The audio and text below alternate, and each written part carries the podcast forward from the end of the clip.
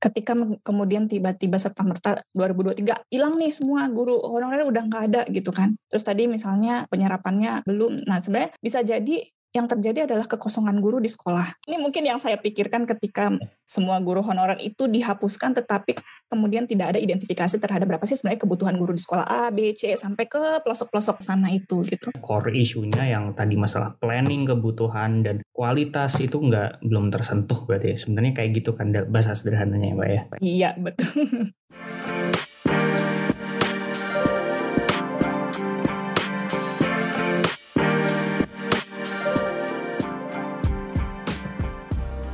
Hai sahabat TCID, kalian sedang mendengarkan podcast Suara Akademia. Ngobrol seru isu terkini bareng akademisi.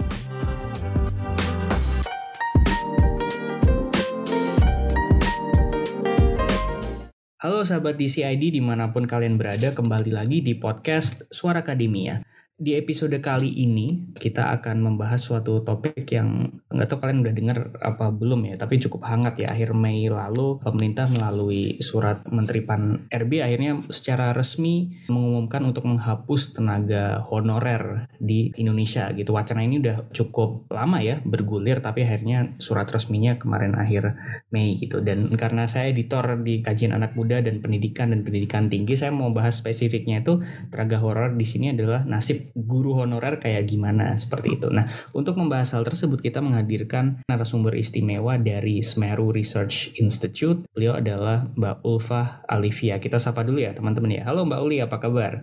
Halo, kabar okay. baik, alhamdulillah. Sehat ya Mbak ya?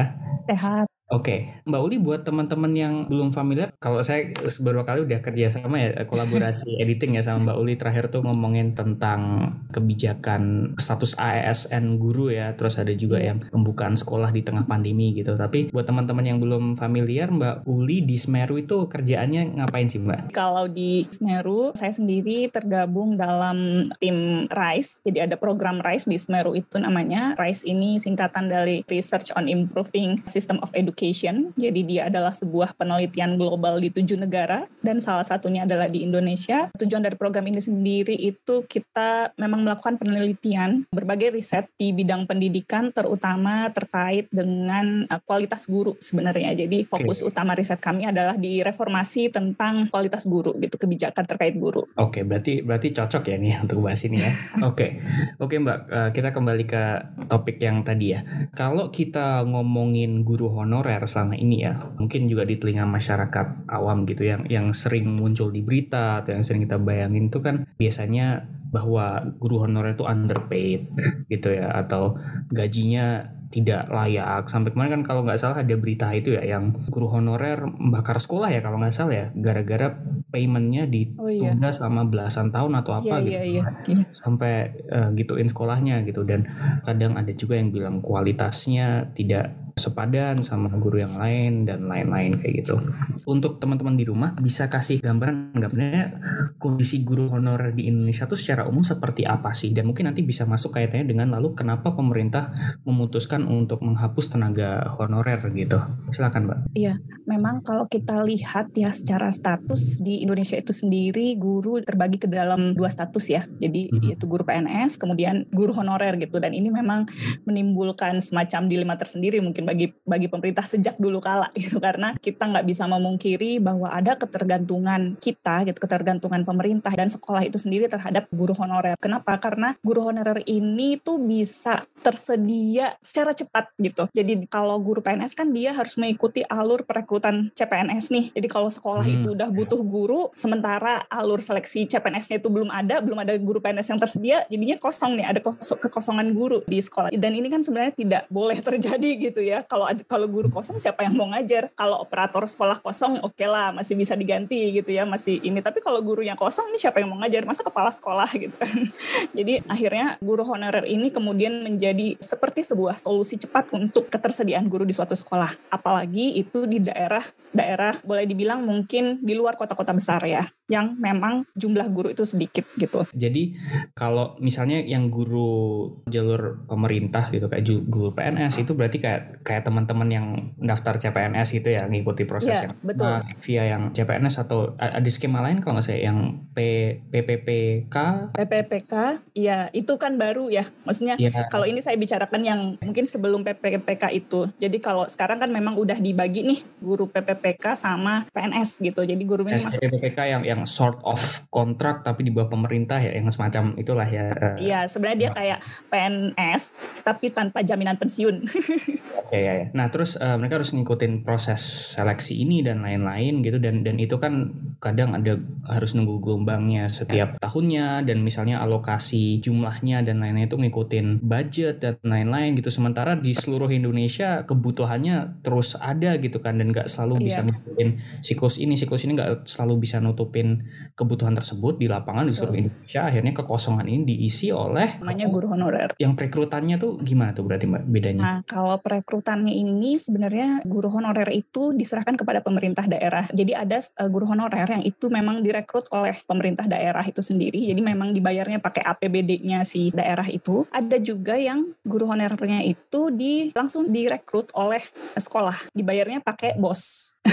Jadi inilah mungkin kena uh, guru-guru honorer yang gajinya kecil itu. Jadi biasanya karena kan sekolah ya mereka memiliki keterbatasan finansial gitu kan. Nah, memang di sini permasalahan permasalahan terkait guru honorer itu sendiri adalah sampai sejauh ini tuh pemerintah itu belum bisa menjawab gitu ya. Jadi kayak gap antara berapa sih sebenarnya kebutuhan guru dan berapa yang harus disuplai itu tuh belum belum ada gitu informasinya. Nah, informasi inilah yang kemudian tidak jadi gap gap ini kan kita nggak tahu nih di sekolah A itu sebenarnya kebutuhan gurunya tuh berapa gitu. Kan kalau honorer ini kan dia juga nggak jelas ya batas batas waktunya itu berapa lama gitu. Kan kalau mungkin kita lihat di di berita-berita mungkin ada yang honorer sampai belasan tahun gitu kan. Nah tapi memang kita nggak pernah tahu di satu sekolah itu tuh sebenarnya berapa sih berapa banyak sih kebutuhan gurunya gitu. Nah data itu yang mungkin sebenarnya perlu diperbaiki gitu oleh pemerintah sehingga memang ketika dalam melakukan perekrutan guru itu kita jelas gitu berapa kebutuhan guru yang diperlukan gitu. Sama ini nggak nggak bisa menakar kebutuhannya berapa. Itu kenapa berarti mbak? Mungkin karena memang laporan dari dari sekolah gitu ya dari dinas pendidikan hmm. di daerah dan sebagainya macam itu mungkin yang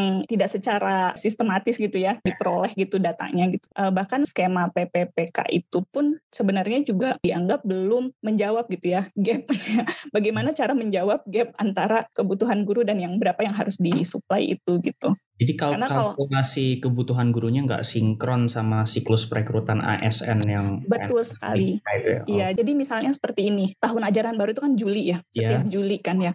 Nah, biasanya di tahun ajaran baru itu kan dibutuhkan guru gitu, karena kan bisa jadi di satu sekolah kan misalnya muridnya bertambah atau seperti apa, nah justru kebutuhan guru itu kan adanya di tahun ajaran baru. Tapi siklus perekrutan PNS itu adanya di bulan Oktober biasanya kan ya.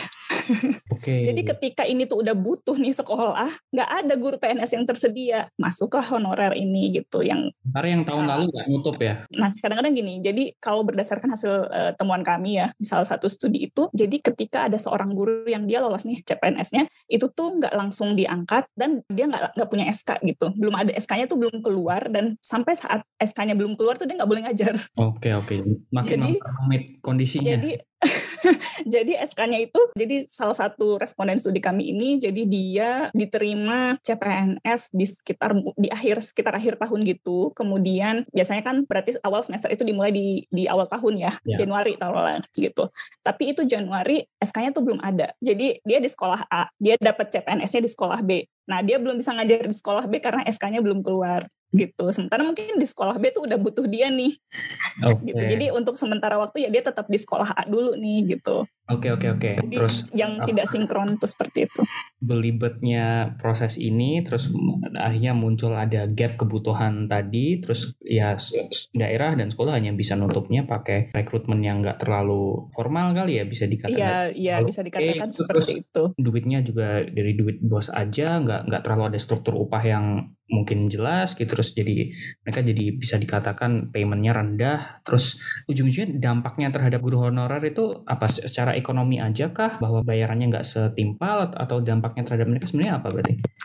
Dampaknya terhadap mereka ya sebenarnya kalau mungkin dari sisi kesejahteraan itu yang pertama pasti. Yang kedua itu dari sisi kapasitas gitu. Jadi ketika mereka diberikan upah yang tidak sebanding gitu ya dengan okay. uh, load pekerjaannya apa yang terjadi seadanya ya ngajarnya gitu. Dalam arti bahwa kemauan untuk kemudian meningkatkan kapasitas diri itu menjadi tidak terlalu ada lah gitu ya. Ini sebenarnya balik lagi sih ke motivasi dia. Memang dalam studi kami karena ya memang beberapa dipengaruhi oleh motivasinya, tetapi ada juga yang kemudian menganggap bahwa ya udahlah gitu kan. Ya udahlah saya bisa uh, saya, saya harus gimana toh saya digaji juga cuma sekian gitu. Ini tidak cukup untuk memenuhi kebutuhan kebutuhan saya dan ya udah udah mereka struggling ya antara idealisme dan kebutuhan ekonomi gitu. Ya, bisa saya bayangkan. Oke. Okay. Terus kan ini muncul wacana penghapusan honorer sampai akhirnya terbit secara resmi keputusannya gitu. Itu itu kenapa Mbak di, dilakukan? Apakah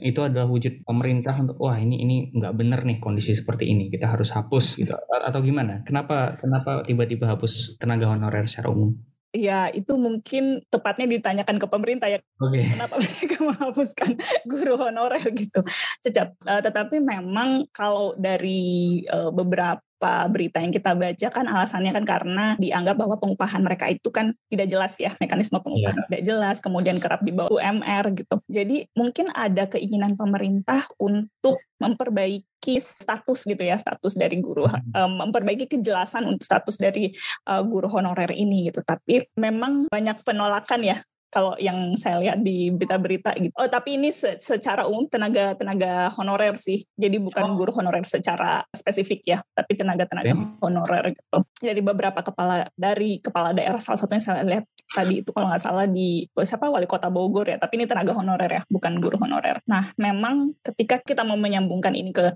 ke kualitas guru ya. Kalau tadi kan saya sebutkan bahwa jadikan perekrutan guru honorer itu sendiri kan kadang-kadang hanya untuk memenuhi kekosongan guru saja tetapi bukan berdasarkan standar mutu yang jelas gitu ya jadi okay. eh, baik itu di level guru honorer yang di, diangkat oleh sekolah maupun yang oleh daerah gitu hmm. sehingga ketika sebenarnya kalau kita sambungkan ini dengan kualitas guru, ketika kita menghapus guru honorer atau kita melarang keberadaan guru honorer itu kan sebenarnya tidak juga menjamin bahwa akan memperbaiki kualitas guru ya. Ya gitu. Jadi sebenarnya memang kalau memang mau di, dilihat urgensinya, saya nggak tahu nih alasan pemerintah menghapus guru honorer dan ini pun sebenarnya kan akan dilakukan secara perlahan ya, kemudian diganti sama PPPK itu. Kan memang nggak mungkin juga mengangkat semua guru honorer menjadi PNS gitu kan, kan kapasitas fiskal pemerintah juga nggak nggak sanggup gitu kan untuk itu. Nah, jadi sebenarnya kalau kita mau difokuskan sebenarnya adalah bagaimana sih sebenarnya memperbaiki kualitas guru ini dulu nih gitu. Hmm. Jadi dengan mekanisme perekrutan guru yang lebih jelas entah itu mau honorer, entah itu mau PNS, P3K gitu ya, is, apa pun istilahnya gitu. Tapi memang harus ada standar mutu yang jelas nih. Emang ketika merekrut guru itu yang menjadi standar adalah kinerjanya, yang menjadi standar adalah kualitas dan kompetensinya gitu. Bukan sekedar kalau kita lihat misalnya memang itu melalui tes, melalui berbagai tes ya, tes CPNS dan segala macam, tetapi apakah tes yang dilakukan oleh pemerintah itu memang sudah terstandar, memang benar-benar menyaring guru-guru yang memang punya kualitas gitu, memang punya kompetensi yang memang mumpuni gitu kan. Bahkan bahkan sebelum ngomongin kualitas guru honorer dulu, ini kan yang yang saya bayangkan kan harapannya mungkin ya kalau ngapus guru honorer itu kan by 2023 targetnya. Terus dalam setahun ke depan yang honorernya mau di pelan-pelan dijadikan ASN gitu ya. Lewat uh, tes yang PNS atau tes yang PPPK gitu. Walaupun ini juga menemui hambatan juga kalau nggak salah ya. Karena kan nggak nggak semuanya dalam setahun ke depan terus daftar semua keterima semua kan nggak mungkin juga. Tapi bahkan sebelum itu ngomongin itu bahkan kualitas guru yang sudah ada lewat jalur PNS dan PP3 itu bahkan itu belum optimal juga ya berarti ya? Um, ya kalau temuan studi kami ya di RISE. Masalahnya apa dalam dalam rekrutan guru itu? Yang kurang apa terus harusnya seperti apa?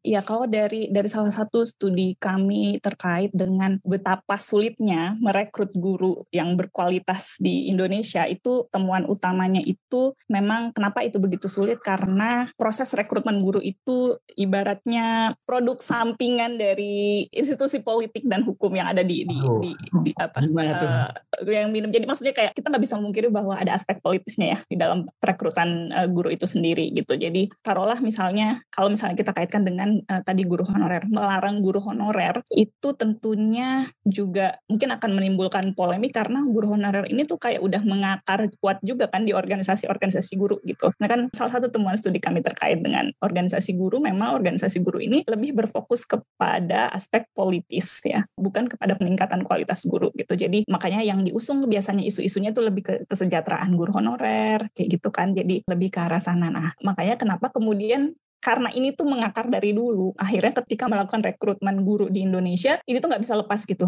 dari aspek-aspek itu. Makanya kan ada tuntutan-tuntutan kayak gue ya udah guru honorer yang udah lama ini diangkat aja jadi PNS kayak gitu kan padahal kita nggak lihat nih, nih guru honorer ini kinerjanya bagus apa enggak gitu tapi karena kayak eh, udah ngajar 18 eh, tahun kasihan gitu jadi kan karena kasihan sementara mungkin kalau diangkat jadi guru PNS mungkin dia satu dua tahun lagi udah pensiun gitu misalnya kayak gitu kan. Jadi itu yang pertama. Kemudian yang yang kedua juga misalnya eh, terkait kenapa sulit itu karena memang dari sisi aspek ekonomi politiknya itu sendiri lebih banyak memprioritaskan tadi mungkin ya eh, eh, pemangku kepentingan dibandingkan tujuan dari pendidikan itu sendiri gitu. Jadi ya tadi organisasi mungkin kepentingan organisasi guru. Coba lihat kalau masa-masa musim kampanye iya. berapa yeah. banyak calon-calon. Aduh saya nggak tahu ini bisa tapi calon-calon kepala daerah atau mungkin calon-calon partai yang mengusung kesejahteraan guru honorer. Ini kan guru honorer itu menjadi akhirnya menjadi kendaraan politik gitu ya. Tidak berfokus kepada kualitasnya gitu. Ya, akhirnya menjadi salah satu blok voting blok aja ya gitu ujung-ujungnya. Ya ujung-ujungnya. atau anak muda atau apa tapi sebenarnya kayak agensinya mereka atau kayak tujuan pendidikannya sendiri belum tentu diperhatikan gitu berarti ya. Iya dan tadi ya kalau misalnya kita lihat dan faktor senioritas di Indonesia itu terutama di dalam hal guru ya itu kan kuat sekali ya gitu. Okay. Jadi tadi kita tidak melihat pada kecakapan kerjanya atau kinerjanya tetapi lebih ke senioritas guru. Dia diangkat menjadi PNS karena sudah lama gitu menjadi guru honorer gitu. Nah memang berdasarkan studi-studi kami juga kami memang sangat merekomendasikan bagi pemerintah itu untuk menetapkan semacam standar profesional guru ya. Jadi apa sih sebenarnya standar jenjang karir guru tuh harusnya kayak gimana sih gitu. Sekarang kan nggak jelas. Sekarang kan nggak jelas. Cuma ada pangkat-pangkat ya. Kalau PNS guru honorer apalagi nggak ada tuh jenjang karirnya. Dia ya udah jadi guru honorer, guru honorer aja. Kalau PNS kan apa paling pangkat ya. Pangkat golongan mulai 1A, 2A gitu ya sampai sampai golongan yang paling tinggi. Tetapi tidak dijelaskan kalau golongan 1A itu dia harus punya kualifikasi apa nih. Dia harus punya kompetensi apa golongan 2A itu dia harus punya kompetensi apa golongan 3 itu harus punya kompetensi apa yang ada itu lebih ke berapa masa jabatannya berapa lama dia sudah menjadi seorang guru misalnya. Kemudian publikasi-publikasi atau apalah itu ya yang ngikutin training-training apa. Tapi itu kan tidak bisa membuktikan kinerja dia ya gitu. Apakah dia memang guru yang berkualitas atau tidak. Kalau kita bandingkan misalnya dengan uh, Singapura ini maaf ya kalau saya jadi bicaranya ke mana-mana uh, kalau kita bandingkan misalnya dengan Singapura, Singapura itu kan dia punya jenjang karir guru yang lebih jelas gitu ya. Jadi ketika seseorang lulusan pendidikan itu memutuskan untuk menjadi guru, udah diatur nih, kamu mau ngambil jalur apa? Apakah jalur akademik, jalur leadership satu lagi tuh jalur aduh saya lupa satu lagi jalur. apa ya? jalur profesi atau apa jadi satu itu emang akademik itu jadi ketika dia mau jadi guru nanti dia juga melakukan misalnya uh, riset-riset gitu yang menerbitkan hmm. uh, tulisan. Kalau dia jalur leadership berarti kan mungkin nanti dia punya target khusus misalnya nanti mau jadi kepala sekolah atau memegang jabatan tertentu. Nah kalau satu lagi itu kalau nggak salah jalur yang emang ya udah ngajar aja gitu di sekolah. Itu kalau saya nggak salah nanti saya coba cari dulu lagi deh. Masing-masing jalur itu juga punya masing-masing jalur itu sudah sudah ada sudah ditentukan. Jadi kita memilih gitu ya eh, lulusan lulusan pendidikan guru itu akan memilih saya mau di jalur mana dan hmm. misalnya hmm. saya memilih di jalur akademik gitu maka ya udah dia akan digembleng di jalur itu terus di situlah kemudian ada jenjang karirnya gitu. Jadi jelas gitu kan. Jadi ketika itu kan guru jadi punya target. Yeah. oh iya. saya harus meningkatkan kompetensi ini nih. Saya harus oh saya harus bisa nih mengajar misalnya matematika dengan misalnya memang yang benar-benar tuh memahamkan si anak gitu misalnya. Bukan membuat anak itu hafal misalnya kayak gitu. Jadi memang ada gitu kompetensi-kompetensi yang memang tuh harus dicapai ya. Jadi guru kan juga mungkin termotivasi ya ketika kita berikan target-target seperti itu gitu. Oke okay, oke okay, oke okay, mbak. Uh, nangkep nangkep. Nah, jadi berarti sekarang kalau sebenarnya kalau jadi guru di Indonesia tuh kalau mau naik pangkat dan lain itu sebenarnya tinggal istilahnya kayak uh, duduk manis dan mengisi administrasi dan memenuhi syarat aja berarti ya kayak uh, untuk naik-naik. Iya, iya. Jadi cenderung formalitas ya. Misalnya kayak nggak ada kompetensi okay. tertentu.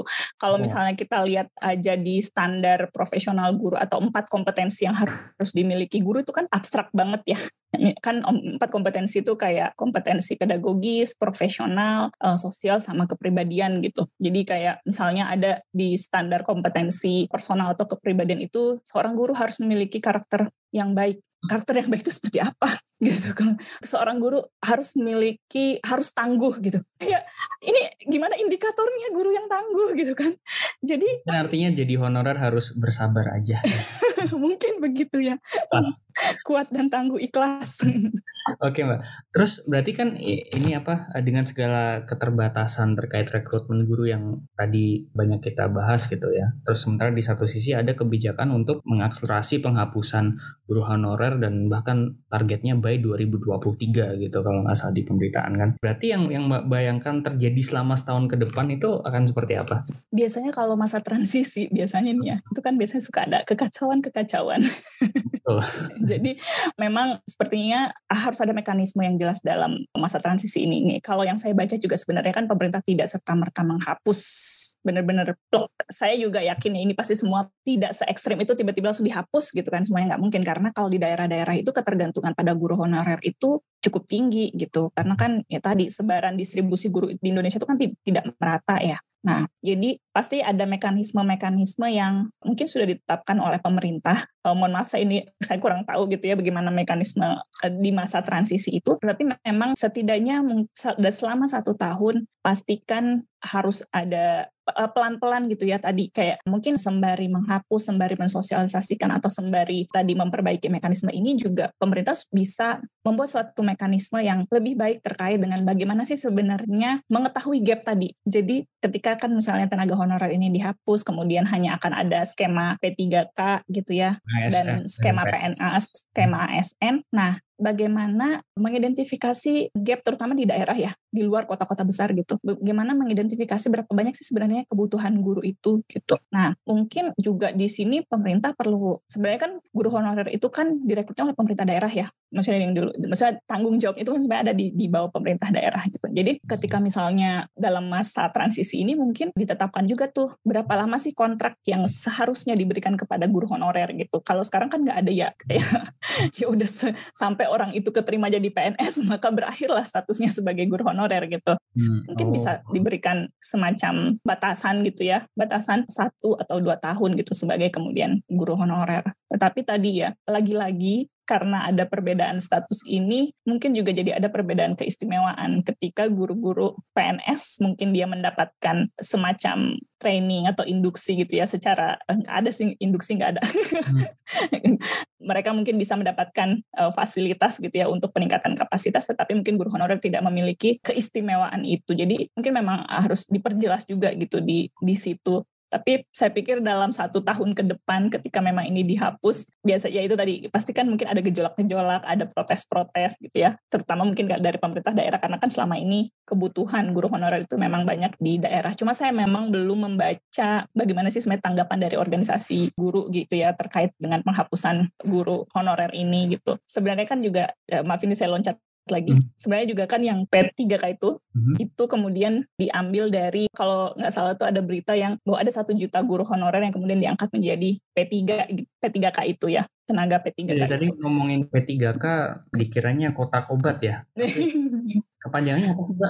Saya Aduh, pegawai pemerintah dengan perjanjian Oke, okay, iya. Pemerintah dengan perjanjian kontrak ya, kalau nggak salah. Siap.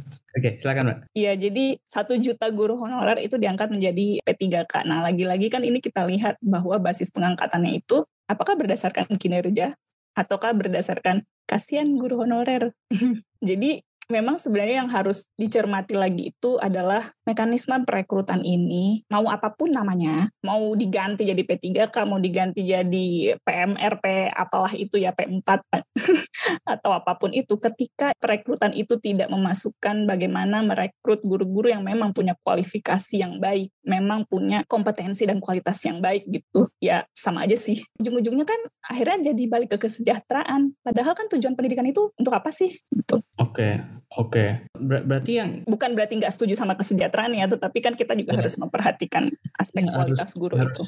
Ngebalance ya. Maksud tapi maksudnya gini, kalau yang harus diprioritasin tuh mana sih Mbak? Maksudnya yang saya bayangin gini, apakah yang harus dibenerin dulu itu berarti seleksi sistem rekrutmen yang menjamin kualitas guru itu bagus gitu. Misal mau nyontoh yang Singapura tadi ya, ada yang jenjang kerjanya jelas, jadi kayak nggak cuma administrasi doang, tapi guru bener-bener bikin inovasi baru dalam pengajaran dan ada indikator-indikator kualitas sehingga berkembang terus gitu sistem rekrutmen yang menjamin itu semua di di okein dulu gitu. Entah itu jadi ASN atau PPPK-nya terus baru nanti guru honorernya pelan-pelan diangkat ditransisikan dulu ke proses itu supaya menjamin bahwa kalaupun guru honorer nanti diserap jadi pegawai negeri gitu kualitasnya bagus apakah itu prioritasnya? Atau prioritasnya yang sekarang adalah ya ini ini kondisi guru honorer udah memprihatinkan, kita proses dulu, kita transisi dulu, hapuskan guru status honorernya gitu, diserap ke pegawai negeri, terus seiring jalan kita perbaiki proses rekrutmennya. Kayak ngebalance-nya tuh gimana sih Mbak?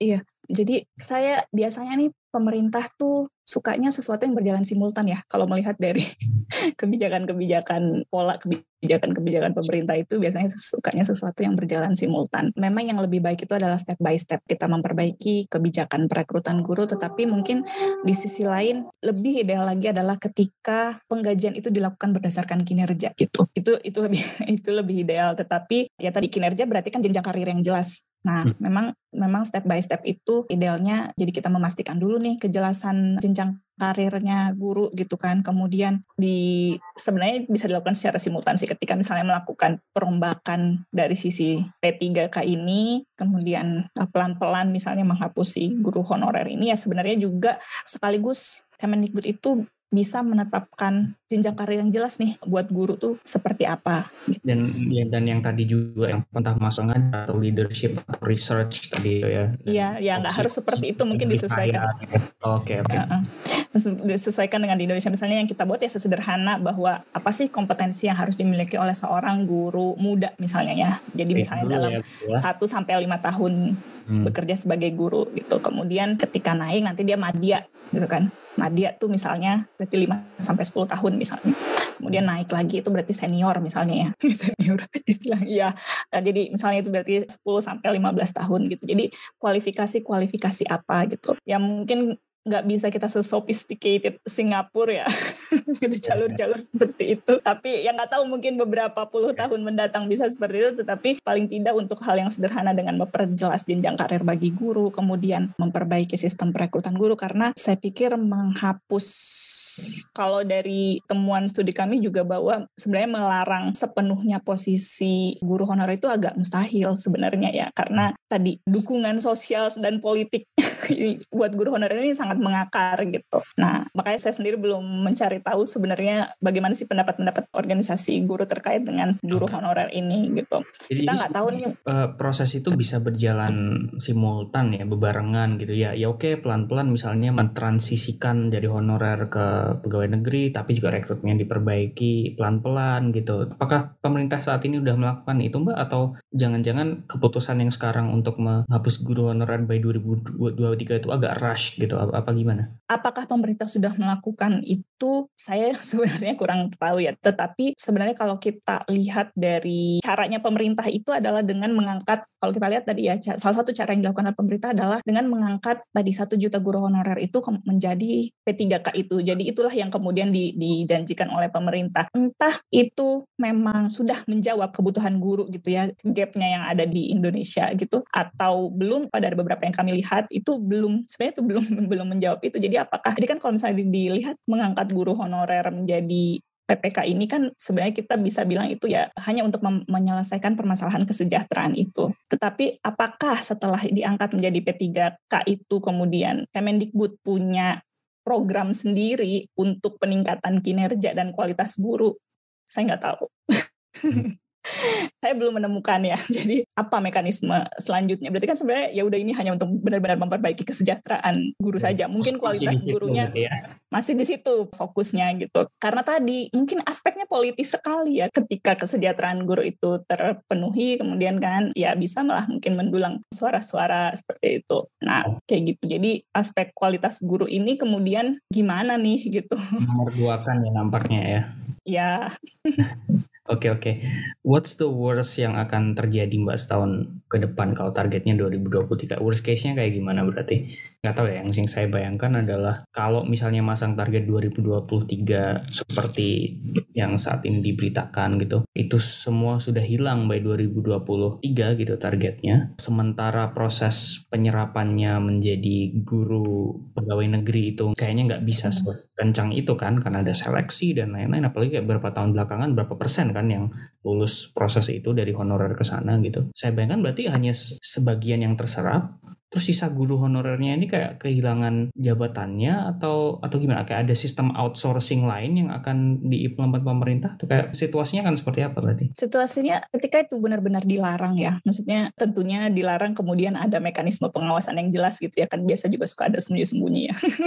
Kita nggak tahu tuh sekolah di uh, pelosok Banten sana misalnya pelosok Lebak sana mungkin masih ada yang mempekerjakan guru honorer tapi dinas pendidikannya nggak tahu misalnya kayak gitu. Bisa jadi terjadi kekosongan guru. Karena tadi apakah pengangkatan satu juta guru honorer itu memang sudah menjawab gap yang ada? Hmm. Ketika kemudian tiba-tiba serta merta 2023 hilang nih semua guru honorer udah nggak ada gitu kan. Terus tadi misalnya penyerapannya belum. Nah sebenarnya bisa jadi yang terjadi adalah kekosongan guru di sekolah. Oke, ya ya karena masalah awal karena, tadi. Ya. Iya, karena masalah awal tadi itu kan guru honorer itu kan solusi cepat ya untuk ya. memenuhi kebutuhan guru di sekolah. Nah, ketika itu terjadi ya gimana anaknya jadi nggak belajar atau gimana gitu. jadi uh, ini ini mungkin yang saya pikirkan ketika semua guru honorer itu dihapuskan tetapi kemudian tidak ada identifikasi terhadap berapa sih sebenarnya kebutuhan guru di sekolah A, B, C sampai ke pelosok-pelosok sana itu gitu. Oh, jadi sebenarnya kayak ini solusi-solusi yang diajukan bukan sejauh ini tuh kayak hanya tempel plaster tempel plaster tapi sebenarnya core isunya yang tadi masalah planning kebutuhan dan kualitas itu nggak belum tersentuh berarti ya. sebenarnya kayak gitu kan bahasa sederhananya ya mbak ya iya betul Oke. Okay. Iya gitu sih. Tapi kalau nggak salah apa waktu saya baca-baca announcement dari pemerintah dan lain-lain untuk keperluan ini katanya ada juga akan diimplement sistem outsourcing ya alih daya ya. Kalau gubernurnya benar-benar hilang tapi belum semuanya ter, terserap ke PNS gitu terus ada kayak sistem alih daya slash outsourcing yang selama ini sudah dilakukan ke driver atau apa atau kayak pegawai lain di lingkungan pemerintah gitu yang yang harus pakai sistem outsource itu nggak menyelesaikan masalah juga ya. Katanya sih ya kata pemerintah sistem ini lebih struktur gajinya lebih jelas daripada honorer gitu atau apa gitu. Ya sistem outsource ya sebenarnya gini apa pun namanya Hmm. ketika tidak mengatasi core masalahnya akar permasalahannya itu ya sama aja gitu. Notak. Jadi mau dia diubah jadi tenaga alih daya outsourcing apalah apalah gitu kan. Ya kalau kalau itu bukan untuk menjawab permasalahan yang memang menjadi akar masalahnya, ya percuma dong gitu. Jadi okay. misalnya ada tenaga outsourcing, tapi nggak jelas juga misalnya berapa jangka waktu di kontraknya. Ya kan hmm. itu balik lagi sebenarnya sama aja itu mah kayak gunung honorer ganti baju doang. Okay. Jadi lebih canggih gitu namanya karena outsourcing, bukan kesannya ada istilah asing. apa sih? Oke, okay. oke okay, mbak. Tapi nggak ada gunanya juga semua itu kalau core isunya planning resource guru dan kualitas mereka seperti apa dan jenjangnya dan itu belum tersentuh ya sama aja gitu. Kayak ini iya, hanya iya. solusi-solusi sepatah-patah yang nggak nggak menjawab akarnya. Oke okay, mbak Uli, mungkin sebelum kita tutup ada yang mau disampaikan closing statement atau harapannya ke depan atau apa gitu mungkin? Iya, mungkin kami tentunya berharap ya bahwa kita juga tidak bisa menutup mata atas upaya yang dilakukan pemerintah gitu ya untuk memperbaiki kebijakan gitu. Tetapi di sini memang perlunya membuat sebuah kebijakan yang memang itu benar-benar untuk mengatasi akar permasalahan gitu. Jadi bukan sekedar kebijakan yang bersifat politis gitu atau ya tadi istilahnya tadi nambal-nambal aja gitu. Kalau bocor lagi ya udah ditambah lagi gitu kan. Jadi tentunya berharap bahwa perbaikan kebijakan ini bisa pelan-pelan nantinya ya memang mengarah ke arah sana juga perbaikan kinerja dan kualitas guru di Indonesia gitu. Jadi ya pelan-pelan kita sama-sama gitu ya seluruh pihak bukan hanya mungkin juga the conversation di sini sebagai media yang mendiseminasikan hasil penelitian kami misalnya sebagai lembaga riset yang melakukan kajian gitu kemudian mungkin organisasi-organisasi lainnya yang non pemerintah gitu yang melakukan advokasi-advokasi terhadap pentingnya kinerja dan kualitas guru gitu. Jadi kita sama-sama mengarah ke sana. Mana tahu gitu ya dalam lima tahun ternyata Indonesia udah punya jenjang karir guru yang jelas seperti di Singapura misalnya. Ya, sedemikian sehingga kalau kayak bercita-cita jadi guru tuh jadi keren lagi gitu ya. Ya jadi keren lagi. Jadi orang-orang yang memilih jurusan guru jurusan pendidikan itu pendidikan guru itu bukan orang-orang yang pilihan terakhirnya tetapi emang pengen gitu. Maksudnya emang bahwa guru ini punya eh, adalah profesi yang sama kerennya dengan dokter dengan arsitek gitu ya dengan pengacara gitu.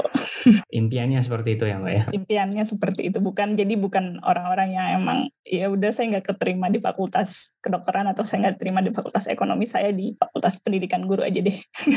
Oke, oke teman-teman itu adalah Mbak Ulfa Alivia dari Smeru Research uh, Institute yang pada hari ini udah kayak kita tadi ngobrol banyak ya tentang beberapa problema dalam rekrutmen guru di Indonesia, kaitannya juga dengan rencana pemerintah dalam menghapus tenaga honorer dan apa yang perlu dilakukan ke depan dan impian-impian pendidikan yang ada di Indonesia saat ini. Makasih banyak Mbak Uli udah sharing-sharing pada sore hari ini ya. Sama-sama, terima kasih. Bermanfaat buat teman-teman.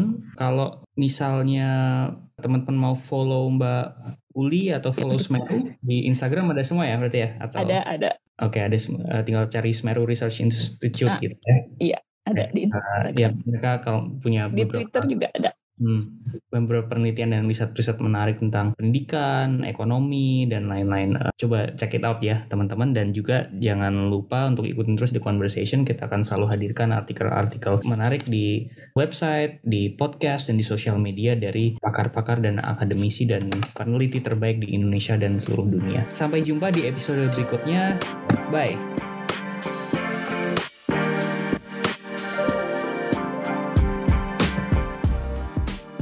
Kalian telah mendengarkan podcast Suara Akademia, ngobrol seru isu terkini bareng akademisi.